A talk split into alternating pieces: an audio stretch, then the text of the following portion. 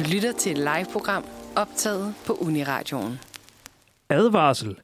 Dette program vil indeholde subjektive holdninger, men vi vil forsøge at gå teoretisk til værks. Vi er ikke ude på at gøre nogen kede af det. Vi prøver bare på at være ærlige. Du må gerne være uenig med os, og hvis du er, så udfordrer dig selv til at, have, øh, til at høre programmet alligevel. Hej. Hej. Velkommen til Dårlig Musik. Vi er tre musikvidenskabsstuderende, som har gået på studiet sammen siden 2016. Vi synger i kor sammen. Vi har en madklub sammen. Og nu, øh, nu har vi et radioprogram sammen. Og det er første gang, vi sender i dag. Det er meget spændende. I det her program, der vil vi prøve at undersøge og afgrænse dårlig musik. Vi vil prøve at finde ud af, hvad det egentlig er, der gør musik dårlig. Og man overhovedet kan blive enige om, hvad det er, der er godt og dårligt. I hvert program tager vi så fat i et emne og går i dybden med det og forsøger på at komme frem til en konklusion. Og dagens emne er dansk top. Øhm, vi har nogle forskellige faste segmenter. Vi har runden, hvor vi hver især lige fortæller, hvad vi synes om dagens emne. Så har vi hypotesen, hvor vi øh, lige finder ud af, sådan, hvordan, hvordan kan det være, at øh, vi synes noget er dårligt. Det vil vi så undersøge i undersøgelsen og komme frem til konklusionen.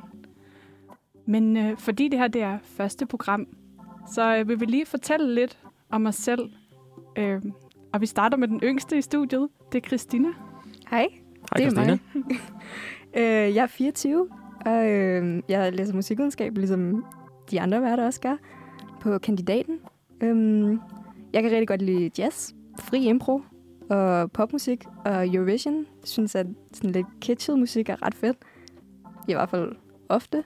Og så, øh, så kan jeg rigtig godt lide opera, og synger rigtig meget selv, udover koret.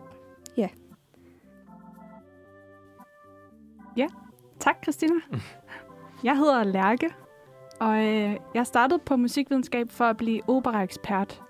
Og det er faktisk gået ret godt, hvis jeg selv skal sige det. Øhm, jeg har også et øh, studiejob på et forskningsprojekt om Carl Nielsen. Så jeg, jeg er også meget glad for sådan noget med fællessang og ja, måske også klassisk musik i det hele taget egentlig. Jeg er også meget glad for pop, især Ariana Grande, som jo kommer med et nyt album lige om lidt. Det bliver helt vildt. ja. Ja. Og så har vi jo øh, rosinen i pølsen, Emil. ja. Mit navn det er Emil. Jeg er 27. Og jeg kan rigtig godt lide, øh, ja, jeg kan godt lide rigtig meget forskellig musik. Øhm, og altså de aspekter af musik, jeg godt kan lide, det er, jeg kan både lide at undervise, og jeg kan lide at lytte til musik, og jeg kan lide at snakke om musik, og jeg kan lide at optræde. Øhm, og så, ja, jeg kan også godt lide at lære nyt øh, om, musik, og øh, det er lidt derfor, vi har lavet et, program om, om dårlig musik, øhm, fordi at på vores studie, der hører man til noget god musik, Ja. Øhm, og så er det jo oplagt at lave noget om dårlig musik. så det er det, vores øh, programrække her skal handle om. Det, det er måske også, fordi der har været lidt sådan berøringsangst med dårlig musik. Ja. Det er nok måske derfor, vi ikke snakker så meget om det, på studiet i hvert fald. Mm-hmm. Derfor jeg godt kunne blive operaekspert. Fordi ja. opera er pissegodt. ja. Nå, vi må, vi må hellere komme videre. Ja. Øhm, vores første segment, det er vores quiz. Og den står Lærke for. Jeg er programmets quizmaster. Og øhm, ja, jeg har lavet et meget kort quiz på øh, et spørgsmål. Og øhm, jeg ville jo gerne lave noget, der handlede om dansk top. Så det jeg gjorde, det var, at jeg, øh, jeg googlede Kjeld Haik fun facts. Og jeg, Ja. jeg fandt ikke noget super fun. Nej, kun facts. Øh, jeg fandt nogle facts. Og jeg fandt blandt andet en, øh, en artikel på Billedbladet fra oktober i år, hvor der står, Derfor er Kjeld Haik deprimeret. Så Kjeld. Dramatisk. God gamle Kjeld. Ja, det er Nå. sgu sørgeligt. Ja. Og så tænker man jo, hvorfor er han deprimeret? Og det er dagens spørgsmål. Ja, får du Og- nogle valgmuligheder? Ja, Ah, Okay. det jeg vil gøre, det er, at jeg har tre muligheder. Øhm, og den, som gætter rigtigt, er Emil og Christina, får lov til at bestemme det aller sidste nummer, vi spiller i programmet. Men øh, der er jo tre valgmuligheder, så hvis de ikke gætter det, så, øh, så er det mig, der bestemmer. Jeg skal jo Ja. også have chancen. Det, det er helt fair. Ja. Så vi, vi kommer ligesom tilbage til det aller sidste i programmet, hvem det er, der har vundet. Nu til øh, svarmulighederne. Ja. Den første er, øh, at Kjeld Haik er deprimeret, fordi at Lis og Per var det første dansk top par. Og de, er, ja, de var lige lidt tidligere på den. Og det er nogen fra Jylland. Øh, ja, vi kommer måske lidt ind på dem senere. Ellers kan man jo selv tjekke dem ud. Det kan vi anbefale. Ja. De er fede. Næste svarmulighed er, at øh, Kjeld Haik er deprimeret, fordi Hilda aldrig er hjemme. Det er jo hans kone. Ja. Ja. Jamen, det kan jeg også godt se. Det Hvad er laver klart. hun? Hvorfor er hun ikke hjemme? Ja. Nå, det, det er selvfølgelig... Nå, den sidste øh, svarmulighed er, at, øh, at Kjeld Haik er deprimeret, fordi han ikke kommer ud at spille under corona. Fordi at han jo er, han er lidt oppe i årene, så han er, Ja. han er en af de sårbare. Ja, det er selvfølgelig rigtigt. Det er, altså, det, det er gode grunde til at være deprimeret, synes jeg, alle Ja. ja. sammen. Ja. Ja. Jamen, det er da nogle gode svarmuligheder. Vi vil, vi vil tænke lidt over det så. Øhm, Ja. ja. Indtil at, at give, komme med vores svar i, i slutningen af programmet. Det er, det er blevet tid til at høre noget dansk top nu. Og vi starter faktisk med et, med et nummer af selveste Kjell Haik. Eller det vil sige af Kjell Haik og The Donkeys. Og øh, her i min hånd, der har jeg en øh, single, en vinyl-single med Kjell og The Donkeys. Med den allerførste øh, nummer et på danstoppen øh, ved landsbyens gadekær. Det er ikke den, vi skal høre, fordi at, at den er god nok, men øh, vi, har, vi har taget et måske lidt mere klassisk dansk topnummer, og det er fra 1970, og øh, det er øh, Kjell and the Donkeys, eller Kjell og The Donkeys med Jeg ringer på fredag. Ej, det var et mega fedt nummer. Jeg ringer på fredag. Kjeld og The Donkeys. Og velkommen tilbage, hvis I har været med fra starten, og velkommen, hvis I først tuner ind nu. Vi skal i gang med runden, og programmet er dårlig musik. Og øh, vi tager simpelthen bare en runde nu og fortæller lidt om, hvad vi synes om Dansk Top. Sådan helt, altså vores egen holdning. Øhm, og vi vil igennem det måske også afgrænse lidt, hvilke fordomme der er, og, og hvad det er for en genre. Emil, vil du starte med at fortælle lidt om, hvad du synes om Dansk Top? Ja, altså når jeg øh, hører ordet dansk top, så tænker jeg på Kjell Haik. Så vi lige høre det her. Men han er, han man kan ikke rigtig komme udenom Kjell Haik i, i dansk top, fordi at øh, han er jo selv øh, musiker og optrædende musikere øh, i forskellige konstellationer, både med øh, The Donkeys øh, og så sin kone, men han er jo absolut også tekstforfatter og har skrevet rigtig, rigtig mange sange, øh, både til danstop, øh, andre danstop-artister og til Melodikompriet. Øh, jeg tænker også på, at danstop det er rigtig hyggeligt. Det er sådan noget øh, hyggemusik, hvor man øh, kan slappe lidt af og sådan noget. Øh, og jeg synes ikke, det er kunst. Altså, øh, jeg synes, det er, det er måske det modsatte af kunst. Det er det, der skal være det, man har, før man kan lave noget, der er kunst. Øhm, og så tænker jeg også på, at jeg ved, at der er rigtig mange danstop kunstnere, kunstnere siger jeg nu, danstop musikere, som, øh, som har nogle rigtig dårlige bandnavne. For eksempel Kjell og The Donkeys. Altså, hvorfor er det ikke Kjell and The Donkeys? Øh, og der er Bjørn og OK. Jeg har ingen anelse om, hvad OK er, øh, udover hans band. Jeg ved ikke, hvorfor man kan kalde et band for OK. Og så, ja, og så er der Claus og Servants. Øh, ja, hvad er de? Hans tjenere, eller hvad? Jeg forstår det. Altså, jeg synes, det er så dårligt fundet på. Jeg synes ofte, at dansk det er uambitiøst, og det er banalt, øhm, både i teksterne og i kompositionerne, og ja, altså temaerne, og øh, alt, hvad der ligesom hører til. Øh, coverbilleder, øh, tv-optrædener, alt det her. Jeg synes virkelig, det er lidt, ja, for at sige det på gammelt, godt dansk, det er noget pølset noget. Øhm, jeg tænker også lidt på min morfar, fordi at han hører gerne øh, dansk musik, eller han hører, han hører den lokale radiokanal i sit værksted. For han er, han er sneker, og, øhm, og så kører det jo bare. Og de spiller jo alle de sange, som dem på min mormor, morfars alder, også min mormors alder, gerne vil høre. Så øh, ja, øh, det er jo lidt den generation, jeg tænker på.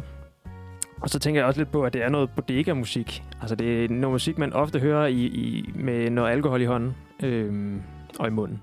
Ja. Øh, ja. øh, ja. Hvad, hvad, siger du, Christina? Hvad, hvad er dansk for dig? Jamen, øh, altså, jeg tænker helt klart også det her med altså, en øl i hånden. Sådan lidt slakker tradition.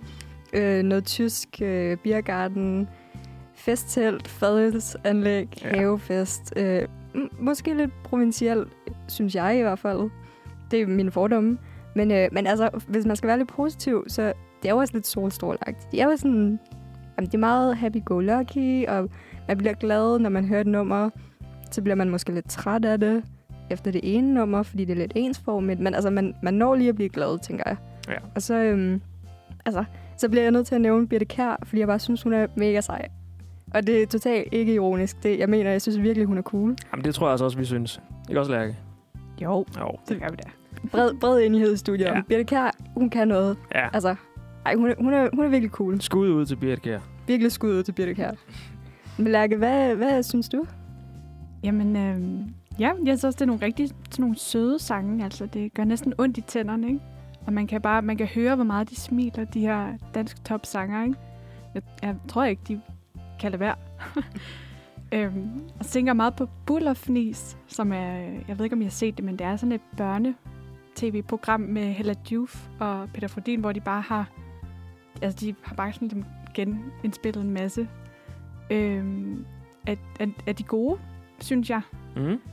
Øh, og jeg, ja, jeg har lidt svært ved sådan at forene det med øhm, det her billede af, hvis der er nogen, der er ude at spille, så er hele bandet, det er simpelthen bare et keyboard. Eller Ja. ja. man kan lige trykke på knappen, ikke? Og så, så er to sanger med, med god rumklang på, måske. Ja, det, er- det er nærmest musik, der spiller sig selv. Det er utroligt. Ja. Det er lidt suppestar is. Øh, ja. ja. man ved, hvad man får, ikke? ja. Ja. Det er jo også, det er jo lidt, måske lidt point med det. Ja. Ja. Man ved, og man ved, hvor man skal hen. Ja. ja. Nå, men øh, vi skal høre et nummer til nu, og øh, nu nævnte jeg jo Birte Kær. Og selvfølgelig så skal vi høre noget Birte Kær. Og øh, jeg har øvet mig hele dagen på at sige det her navn, for at sige det øh, lidt bedre, end hun måske gør i sangen. Så nu skal vi høre Arrivederci Frans. Hvad synes I om det her musik? Jeg synes godt nok, det er lidt sådan noget tysk, plat øh, slagermusik. Ja, den, den minder meget om sådan noget tysk. Ja. Ja, men jeg synes, altså, jeg synes også, man bliver i rigtig godt humør af den. Ja, altså der er en god energi. Ja. Hallo? Altså hun er helt op på de store navler. Alber. Alber. Helt op på alberne. Ja, det lyder jo af Tirol og Ja. ferie, og den der guitar i baggrund, ikke? Det er lige den der, der kommer hen, når man sidder og spiser. Ja. Ja. Åh oh, ja. Mm-hmm. Nå, vi skal videre i programmet. Øhm, velkommen til, øh, hvis du har tunet ind nu.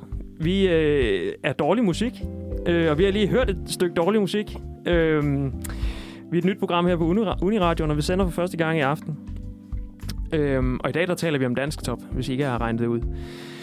Øh, vi er kommet til hypotesen, og det er det her segment, hvor vi skal øh, prøve at finde ud af, hvorfor øh, dansk top måske er noget dårlig musik. Og øh, det første punkt, det er jo, at, øh, at Dance Top, det er meget let tilgængeligt. Øh, og, og, så- og så derfor er det dårligt. Øh, man bliver slet ikke udfordret af det. Og det var også det, jeg sagde tidligere med, jeg synes ikke, det er kunst. Fordi at kunst skal helst udfordre lidt, vil jeg mene. Øh, men øh, man bliver ligesom strøget med hårene her, øh, og man får ligesom, hvad man gerne selv vil have, i stedet for, at der er nogle kunstnere, som faktisk laver noget, som siger, det her, det skal du have. Øh, Danstop har rigtig mange gentagelser, både i, i form af musikken, men altså også i øh, emnerne, øh, teksterne, altså alt det her, det handler bare om det samme, og det er meget tilbageskuende øh, genre. Det er let at synge med på. Det kan godt være godt, men det kan også være skidt, synes jeg. Øh, det lyder ofte billigt. Øh, det, Det lyder, jeg synes, det lyder som om, det er øh, hurtigt lavet, og det er lavet med få midler. Det er jo ikke, ikke altid, det er skidt. Øh, men øh, i den her situation, synes jeg, det altså når, når det er så simple sange, så skal det altså også bare lyde godt. Teksterne er enormt banale og handler om kærlighed, og man får nogle børn, og man bor i et hus med, og man har en, måske en hund, eller man skal giftes, eller ja, alt sådan noget der, som selvfølgelig betyder noget for mange mennesker, men altså, det er, det er godt nok ikke særlig specielt. Ej, det, Øhm, det er lidt hver, hverdagsnært. Ja, det er hverdagsmusik. Øh, og det kan jo også være godt nok, men jeg synes godt nok, det er kedeligt i den her situation her. Øh, det er sådan noget musik, man får lyst til at klappe på 1 og 3 til. Og det, det er måske en længere historie, øh, hvorfor det er dårligt. Men altså, det får musikken til at føles meget tung. Øh, og det giver en bedre fremdrift med 2 og 4 og sådan noget her. Øh, det kan godt være, den tager vi nok ikke i dag, den øh, snak. Vi gemmer den. Ja, den gemmer vi. øhm, det er kopimusik, som jeg sagde. Øh, altså, der... Det er også det her med, at man har ligesom har taget sange fra udlandet, fra Sverige, fra Tyskland eller Italien, og så har man bare oversat dem til dansk. Og så bare lavet fuldstændig det samme koncept, bare på dansk. Det synes jeg også er øh, enormt dovent. Øhm, øh, man, altså, man har ikke forsøgt at, at opfinde den dybe tallerken. Man har taget til Sverige, og så har man fundet en dyb tallerken, og så har man taget den med hjem. Måske har man malet noget nyt på den. Det er stadig bare en dyb tallerken, som man var ude og stjæle. Stjæle. Lån. Køb. Jeg ved ikke, hvordan det fungerede. Øhm, der er også nogen, der vil mene, at det er dårligt, fordi det er populært. Det er en enormt populær genre. Øhm, og øh, øh ja, det er også en diskussion, vi ikke skal komme længere ind i. Øhm, vi har på musikvidenskab mange øh, diskussioner og sådan noget, hvad, hvad der er godt og hvad der er skidt, og populærkultur og finkultur og alt det her. Øhm, men altså, det, nu slynger vi den bare ud, at populærkultur kan også godt opfattes som dårligt. Det er vi måske ikke helt enige i, men øh, det er der nogen, der mener. Nå, Lærke, hvad, hvad har du at sige til, øh, til den smør? Jamen, øh, jeg vil lige komme med øh, sådan en undtagelse, der bekræfter en regel. Ja. Øh, eller du, du taler om de her øh, heteroseksuelle drømme, kærlighedsdrømme om børn og, og ægteskab og sådan noget. Men øh, der er jo faktisk også en lille gren af dansk toppen, som, øh, som er socialt realistisk. Det kunne for eksempel være sådan noget som øh, John Mogensens Der er noget galt i Danmark, og nogle af Peter Bellis sange. Ja. Øh, og det er faktisk tit, når dansk toppen bliver sur over noget, så er det, så er det byfornyelse. Ja. Fordi Det er rigtigt. det, det, er, det er lidt mærkeligt, men øh, de hader beton og glas. Ja, men det er jo noget med det her, altså ligesom Dansk Top, den er jo tilbageskuende, man vil gerne bevare øh, de gode gamle ting. Det taler vel også lidt ind i, i hvert fald det, vi snakkede om tidligere, måske lidt provincielt, ikke så storbysagtigt. Men øh, skal Nå vi ja. høre noget musik så? Nå ja, men så skal vi jo høre, vi skal jo høre noget, der er et eksempel på det her. Og det er, øh, hvor er alle drømmene, du drømte med Maria Stens fra 1973. Vel, vel, vel, vel, velkommen, velkommen, velkommen til Unira, til Unira, til Unira, til Unira. Husk, at du kan finde masser af Uniradions programmer på iTunes. eller der, hvor du henter dine podcasts. Uni, uni, Uniradio. Det bedste, du har hørt siden 1986. Og velkommen tilbage til Dårlig Musik. Det vi lige hørte, det var Hvor er alle drømmene, du drømte fra 1973 af Maria Stens. Nu skal vi i gang med øhm, et nyt segment, undersøgelsen, hvor vi kigger lidt, øh, lidt mere sådan, dybdegående på, hvad det egentlig er for en genre. Og vi vil kigge både øh, på det gennem nogle teoretiske briller og se lidt historisk på, hvordan den opstod. Og Emil, vil du starte med at fortælle os lidt om Ja. Dansk Top? Vi, vi, vi tager lige et, øh, et, et historisk take på det her, fordi at Danstoppen går helt tilbage til... Ja, Danstoppens historie går tilbage til 50'erne og 60'erne.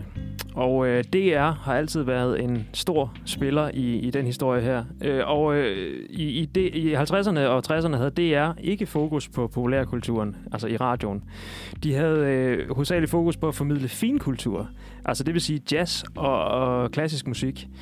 Øhm, det var det, de gerne ville spille for lytterne, for at danne dem. Øhm, og der var, ikke meget, der var ikke meget plads til, at, at, at, øh, ja, som- at folk kunne skrive ind dengang og, og ønske numre, og på den måde øh, være med til at bestemme, hvad der blev spillet på DR. Øhm, DR havde måske plads til viser og revysange, øhm, som nogen, øh, som dansk top også springer jo lidt ud af. Men altså ikke egentlig dansk top. Det er som vi, altså den genre, som vi kender som dansk top i dag. Øhm, da rocken den brød igennem, så begyndte, ja, for eksempel med The Beatles og Rolling Stones, så begyndte DR at spille øh, rockmusik eller beatmusik. Øhm, bare ikke dansk beatmusik. De øh, spillede øh, den engelsksprogede, og øh, derfor var der stadigvæk ikke plads til den dansksprogede dansk top. Øhm, ja. Lærke, du fortælle noget mere om, hvordan den opstod så? Ja, altså øh, man kunne godt se i Danmark, at øh, det ikke gik så godt for den dansksprogede musik. Øh, så man ville godt lave et, et rum til den. Og altså det var ikke fordi, det var noget nyt. Man har faktisk lidt 20 stjålet konceptet fra Sverige, hvor man havde øh, svensk toppen, som havde været der siden øh, 62. Øh, så man, man øh, ja, man, man tog den idé, og så startede man Dansk Toppen i, øh, i 68. Og øh, altså, Svensk Toppen, de tog også lidt af de tyske sange og oversatte dem til svensk.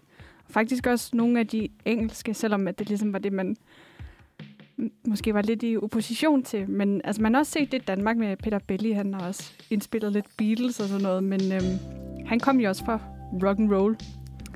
Men øh, ja, i de første år, der var 8 ud af 10 sange faktisk oversat til dansk. Altså det var ikke, øh, man havde bare lige taget en fra Tyskland for eksempel. Ja. Så der, der gik også meget tid med at kigge og, øh, og finde ud af det og, og købe sange fra udlandet.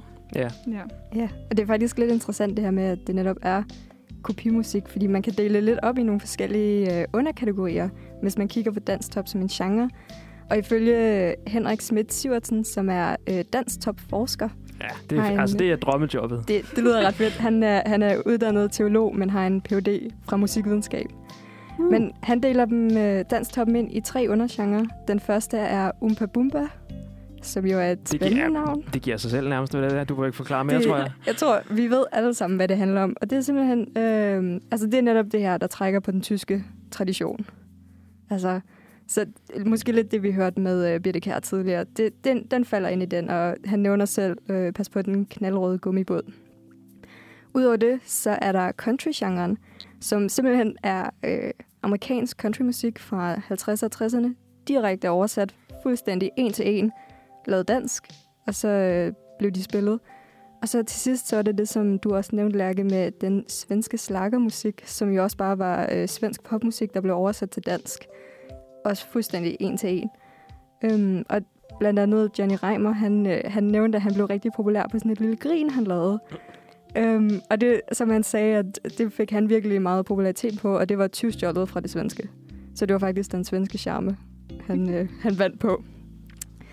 Men øh, hvad hedder det? Man kan også kigge lidt anderledes, hvis man nu ikke lige tager Henrik Schmidt øh, hvad hedder det, tre kasser, så kan man også bredere bare dele det ind i, at der er den her country, som jo så siger sig selv, som jeg nævnte før, og så er der øh, den anden del, som så er sådan noget pop kitsch. Og jeg synes, det var lidt interessant, fordi jeg nævnte jo tidligere, at jeg kan rigtig godt lide kitschet musik, og jeg kan ikke så godt lide øh, danstop.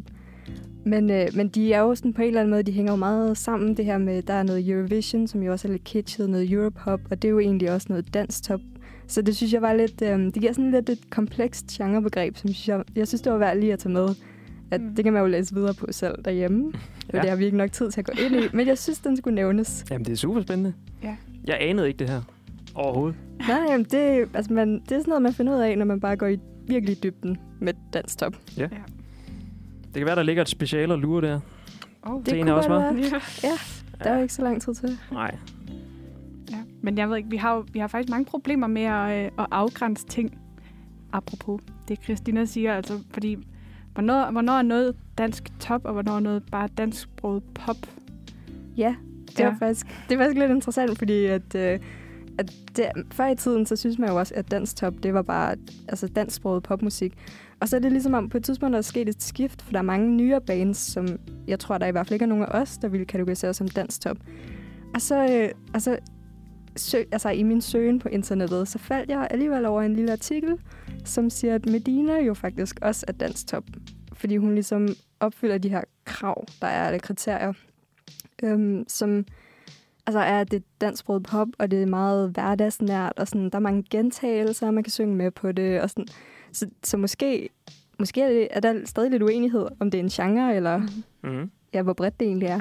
Ja, jeg tror også, øh, jeg har jo også prøvet at lave lidt research på øh, den, den nye danstop, og det, jeg hørte det, det sådan seneste afsnit, eller hvad man siger, og det første, de spillede, det var Sys Bjerre.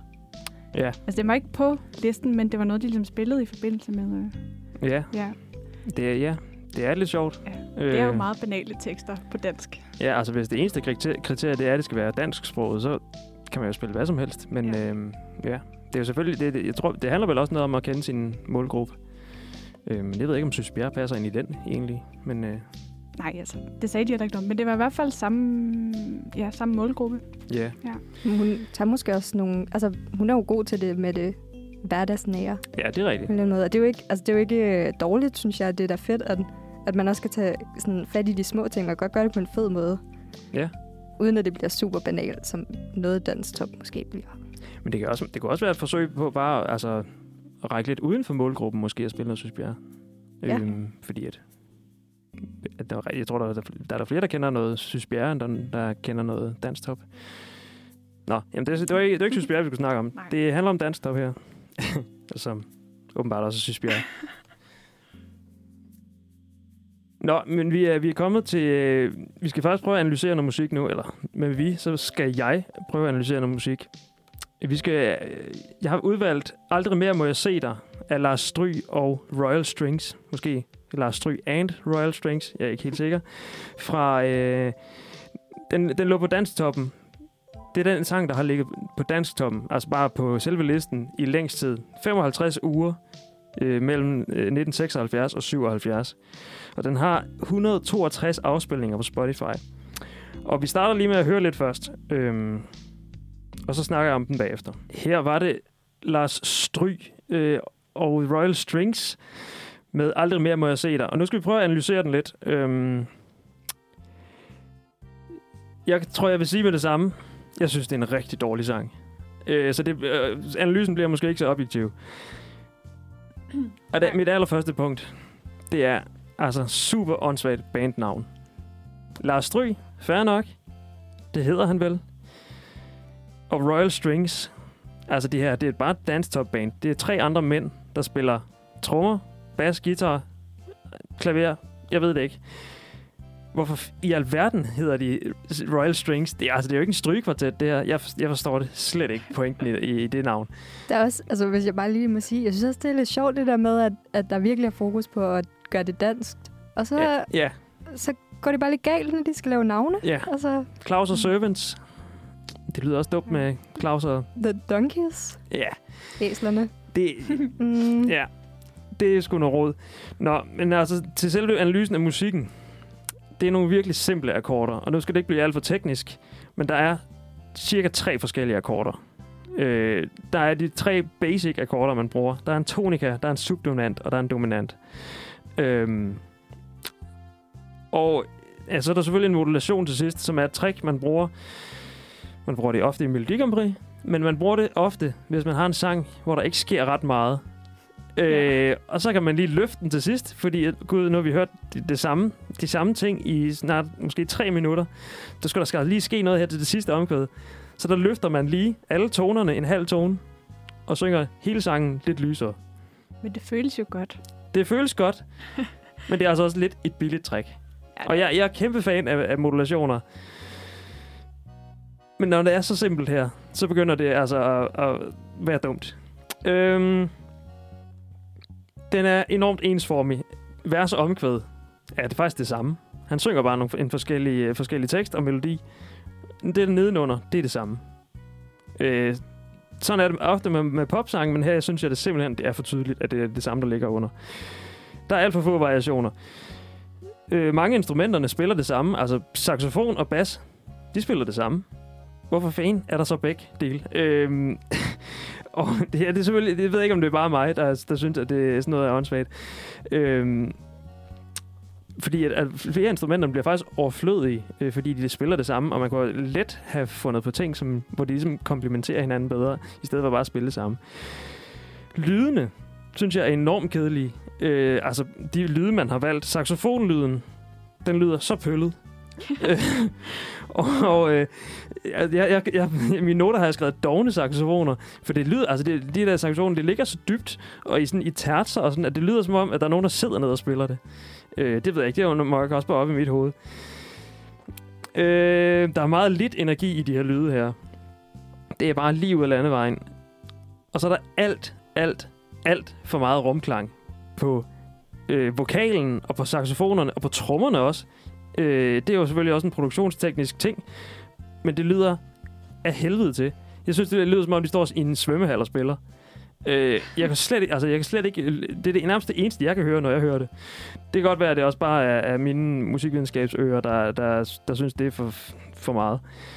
Øh, men vi har faktisk vi har set en dokumentar sammen der handler om danstop. Og der, jeg mener, det var Lis og Per, som faktisk sagde, at når, når noget lød dårligt, så kunne de godt finde på bare at fylde, øh, fylde, rumklang på.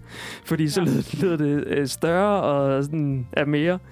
Øh, så det kan være, at- det måske er årsagen til, at der er så meget rumklang på. Jeg synes, klaveret og hi-hatten er sindssygt irriterende. Ja. Det kan bare ding, ding, ding, ding, ding, ding, ding, ding, ding, ding, ding, ding, ding, ding, ding, ding. Og det, altså, det er både i hi-hatten og klaveret, der spiller den rytme sammen. Det er også, altså... Det er, også, det er måske også, fordi jeg er pianist. Og jeg tænker, at den stakkels pianist, der skulle have spillet de der 16. dele. Jeg håber, han har fået, noget, en, fået en god løn. Øhm, teksten forstår jeg heller ikke. Han er blevet afvist, fordi han gerne vil giftes, eller fordi ja, der, han vil gerne giftes med en eller anden. Hun afviser ham, og så må han aldrig se hende. Hvad er pointen i det? Det er jo meget hverdagsagtigt, føler jeg. Jamen altså, det er Eller- da bare fordi, hun ikke vil giftes lige nu. Det er alt eller intet Ej, ja, det... i kærlighed og krig. Ikke? Ja. Ja. Ja, jeg synes, det er vildt dårligt. Øhm, men den, er, så, den har så ligget på øh, danstoppen i 55 uger, så det er jo nok mig, der, der ikke har ret. øhm, ja. Ja. Det var sådan set min analyse. Kan I forstå derude nu, at jeg synes, danstop det er dårligt? Ej, det, den her sang synes jeg er særlig dårlig, og jeg forstår ikke, hvorfor den har ligget på danstoppen så længe. Det er lidt mærkeligt. Lærke, har du ikke lyst til at sige noget, inden jeg bliver Jo, helt hissig? inden du, inden du ødelægger noget. Ja. Altså, jo. Øh, det er lidt sjovt, at den her sang er fra 1976. Det er året før, at øh, Dansktoppen lukker. Øh, sådan den første omgang, kan man sige. Altså den, der er kørt fra 68 til 77 på DR. Øhm, og man kan sige, det er jo helt vildt simpel musik. Er der, er der intet sket siden 68? Ja. Det var der jo det var der ikke her. Og øhm, man kan sige, der, der var nogle ting øh, sådan internt øh, i Danstoppen, som måske var lidt uheldige. Der var for eksempel kun tre mennesker, der skulle vælge, hvilke sange, der kunne få, få lov til øh, at sådan, blive valgt ind på Danstoppen. Altså, hvad man ville få præsenteret. Og en af dem var en, der hedder Jørgen Jorting, som Uh, var verden. Ja. Og han, øh, som han selv siger, så var det jo ham, der stod bag øh, sådan at lægge pres på DR og få dem til at åbne Danstoppen helt alene. Øh, det er der så lidt uenighed om, og han måske fik lidt hjælp fra musikerne. De kunne måske Ja. også godt tænke sig den slags, men øh, det finder vi nok aldrig ud af. Nej. Øhm, så øhm, når folk producerede dansk topmusik, så begyndte de at producere det til ham, fordi han havde så meget magt. Og, øh, Ja, til hans ører. Altså, Ja. ja. Ja, og han har jo øh, han, han har åbenbart haft et, øh, et øre, der ikke udviklede sig Ja. rigtigt. At de, øh, de snakker lidt i dokumentaren om, at de ofte de havde lavet noget musik, og så kunne han godt finde på at sige, ah, det passer ikke til, til vores publikum, og så må de simpelthen gøre den dårligere, sådan Ja. tekstligt. Ja, sådan, altså redigere teksten, eller... Ja. Ja, det må helst ikke være udfordrende. Nej, og der var, der var også et eksempel med, at der, der var nogen, en, hun havde lavet en politisk tekst. Og så, må, ja. så vi, vi, hørte, vi hørte begge versioner i dokumentaren. Der. Det er en DR-dokumentar fra 2016 om Danstop. Øhm, og den... Øh, først var den meget politisk, og hvad, Den, den handlede om hungersnød, tror jeg. Ja, ja, ja, ja det var- folk ja. sultede. Og så øh, ja, blev den lavet om til øh, DSB og danskere på ferie. ja, den Ja. blev meget stueren lige pludselig. Ja. Øhm, og så kom den på Danstoppen, sjovt nok. Og Ja. det, det gjorde den første ikke, fordi den var for politisk. Det er noget rod. Ja. Ej, det er lidt uheldigt. Ja. Og noget, noget af det, der så skete, da Dansk Tom lukkede, det var, at, øh, at genren ligesom øh, delte sig i to grene. Der var øh, øh, de jyske og de øh, sjællandske, og så Fyn i midten. Men altså, Ja. øh, i grov træk. Og øh, øh, ja, jyderne de fandt ud af, at de kunne producere en hel masse helt vildt billigt og helt vildt hurtigt, hvis de øh, lavede det på bånd. Og det, øh, det gik bare stærkt. Altså, det var sådan noget med, at... Øh, altså, at der bare var et eller andet mærkeligt lager øh, et sted i Jylland, hvor de bare lavede ting af plastik, og så kunne de jo også godt lige lave nogle bånd. Og øhm, kvaliteten var rigtig ringe. Altså, Kjell Haik har selv sagt, at det var helt forfærdeligt. Og øh, der kom mere det her rumklang på stemmerne især, altså, fordi folk ikke rigtig kunne synge og sådan noget. Og øh, det er blandt andet de her Lis og Per. Øh, ja, og de siger også selv i dag, at det ikke var så godt. Men de blev så bedre, fordi de øvede sig rigtig meget. ja, det kan vi også diskutere, men alle er enige om, Ja. at det var dårligt i starten i hvert fald. Ja. Altså alle siger det, de siger det selv. Ja, sagde siger faktisk selv i vi siger det. Ja. Og man kan sige, at Danstoppen findes jo faktisk stadig i dag på P5. Og ja, den blev rykket i 2008 fra P4 over på P5. Og det betød, at de øh, kom på DAB. Og det var åbenbart helt forfærdeligt. Jeg ved ikke, at de... Øh, segmentet havde åbenbart svært ved DAB. Øhm, Ja. Det var der faktisk lidt kritik af. ja, At, øh, at det ligesom... At den er blevet, der, ved, at det dansk er blevet ned- nedprioriteret flere gange. At det er... Ja, og det er jo det er ret vildt, fordi da den var på sit højeste, var der over 2 millioner lyttere, ikke? Så det Ja. er sådan, hvordan kunne de miste alt det? Ja. Men det er måske noget med DAB at gøre. Ja. Ja. Men øh, ja, den findes jo stadig, og vi skal høre øh, et nummer fra øh, 2019 af en, en ung fyr. Han har vist været 16 år på det her tidspunkt. Øh, han hedder Mathis Vincent Davidsen, og han øh, var med i sådan... Øh, øh, et sådan nærmest et talentshow på Dansk Top, hvor han havde en mentor og sådan noget. Og så har han lavet det her nummer, og det er simpelthen bare så sødt. Altså, det hedder, da singlerne blev støvet af, og handler om, at han sidder med sine venner til fester, og så ved de ikke, hvad de skal lave. Og så hører de nogle, nogle plader ned fra kælderen med noget dansk top. Øhm, så man, ja, man kan lige lytte lidt til teksten, og det er jo rigtig sødt. Og så kan man lige lytte lidt til lyden også. Det lyder meget som Grand Prix-musik fra 70'erne og 80'erne. Måske lidt ABBA. Måske lidt Tommy Sebak. Ja. ja. ja, men de kan jo selv øh, prøve at lytte lidt, når vi hører det nu. Ja. Her var det noget, en, en, en ny, øh, ny danstop af Mathis Vincent Davidsen. Og øh, vi er kommet til konklusionen.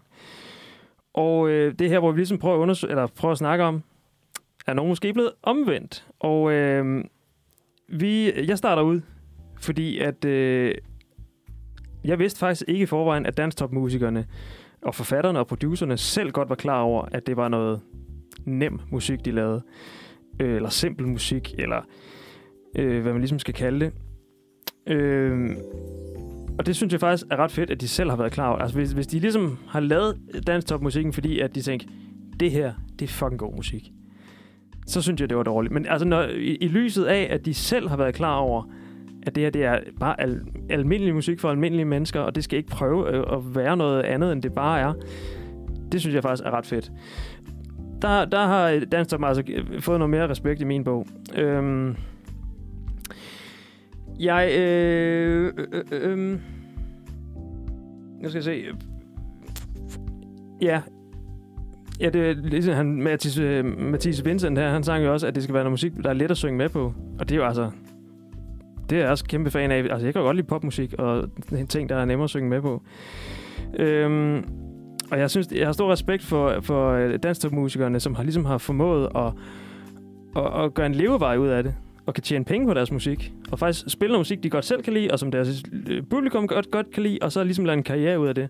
Det har jeg enormt stor respekt for. Øh, jeg er ikke sikker på, at jeg selv vil have lyst til at leve af at spille øh, dansk topmusik, fordi at det, er, det er jo ikke en genre, jeg ligesom har noget særligt forhold til, og jeg synes godt nok, jeg tror, jeg vil blive skør i længden, fordi at det, der er meget lidt udvikling i den her genre, den er meget bagudskuende. Øh, jeg kan ikke se, hvordan danstop-genre sådan rigtig skulle øh, udvikle sig. Så skulle der jo ligesom være de her metasange, som den her øh, sang, øh, da singlerne blev støvet af, fordi den handler om at høre danstop. En danstop-sang om at høre danstop. Øh, og så, jeg synes også, det er lidt problematisk. Altså, hvis danstop skal have en chance for at, at, at udvikle sig, så skal der altså også noget køn og noget race i, ind i. Og det er jo sådan lidt musikvidenskabshatten, jeg har taget på nu. Øhm, men det er jo en meget etnisk dansk genre. Øhm, ja, Christina, hvad synes du? Er du blevet Mm. omvendt? Øh, altså, nej. Overhovedet ikke. Men, men jeg har fået en bedre forståelse af det, hvad, hvad danstop er, og hvorfor den opstod, og hvorfor jeg nok aldrig bliver super stor fan af det. Men samtidig også, at det er meget øh, forbundet med genre, som jeg egentlig har det ret fedt med. Altså Eurovision. Det her med at modulere i slutningen. At det, det deler faktisk... Det deler mange karakteristika. Det, det er jo lidt fedt at finde ud af, selvom jeg nok aldrig bliver super stor fan. Lærke, hvad synes du? Altså, ja, jeg har fundet ud af, hvorfor at jeg har en del af danstoppen, som jeg simpelthen ikke kan klare. Og det er jo den, den mærkelige jyske fraktion på bånd. Det, Ja. ja. det går ikke. Nej, De er, det er noget råd. Ja, det står noget af det, det gamle fra 68 til 77, der kan noget. Men øh, ja, jeg, jeg bliver aldrig glad for, for det, der skete sidenhen. Nej, lad os glemme, Nej. glemme den jyske periode i Ja. ja. dansk, dansk top. Det skete ikke. Nej. Nå. Nå, men vi er kommet til quizzen. Quiz Ja. svaret. Quizsvaret. Og ja, vi skulle finde ud af, hvorfor det var, at Kjeld Haik, han var deprimeret for tiden. Ja. Ja, Christina, okay. Hvad, hvad tror du? Hvad, jeg får lov at starte. Jamen, jeg tror... Øh, altså, jamen, det må næsten, jeg må næsten tage coronavejen. Det var også det, jeg ville sige. Ja, Nå. det tænkte jeg nok. Øh, hvad var de to andre muligheder? Det var, fordi Hilda ikke er hjemme, eller Ja. fordi han ikke var det første dansk toppar. Men der er jo ikke rigtig, altså... Der er jo ikke rigtig noget, der ikke udelukker det andet. Øhm, nej, men så siger jeg Hilda. Fordi, altså, jeg ville da også være ked af det, hvis hun ikke var hjemme. Ja. Yeah. Okay, nu kan jeg lige læse op fra artiklen. Ja. Ja. Det har jeg forberedt. Okay. Den 74-årige sanger savner sin kone og er ramt af en mindre depression. Åh, Oh. Jeg er ramt af en mindre depression, fortalte Kjeld Haik, da Billedbladet mødte ham på den røde løber til Vild med Dans. Det er altså fordi Hilda, hun er med i Vild med Dans. Hun er aldrig hjemme. Nice. Det var slet Ah, okay, ikke corona. Okay, okay. Ej, det var måske også the obvious one. Ja. Ja, det var måske lidt før. Jeg vandt. Hallo. Tillykke. Du har Tak. vundet Så- den første quiz nogensinde i Og, dårlig musik. og øh, vinderen af quizzen får jo som sagt lov at aftage, eller får lov at vælge, hvilken sang vi vælger. Altså, vi spiller her til sidst, og vi skulle gerne spille en god sang. Men altså, i samfundets øh, tilstand taget i betragtning, så blev vi faktisk enige om, at vi har snydt lidt. Vi, vi har fundet en sang, som passer rigtig godt til den her pandemitid. Øhm, og inden at, uden at øh, sige alt for meget, så skal I bare høre den, fordi at, ja, Ja. det lyder lidt, lyder lidt underligt i dag. Vi vil gerne lige inden sige, at, øh, at vi synes, I skal lytte med i næste uge, hvor at vi vil snakke om Europop, som jeg glæder mig rigtig meget til. Ja, det bliver Den- godt. Godt. Den er lidt i tråd med den her, men øh, nu skal vi høre en sang. Her kommer Virus og bakterier med Bjørn og OK. Det er det bedste, bedste, bedste, du har hørt. Siden 1986.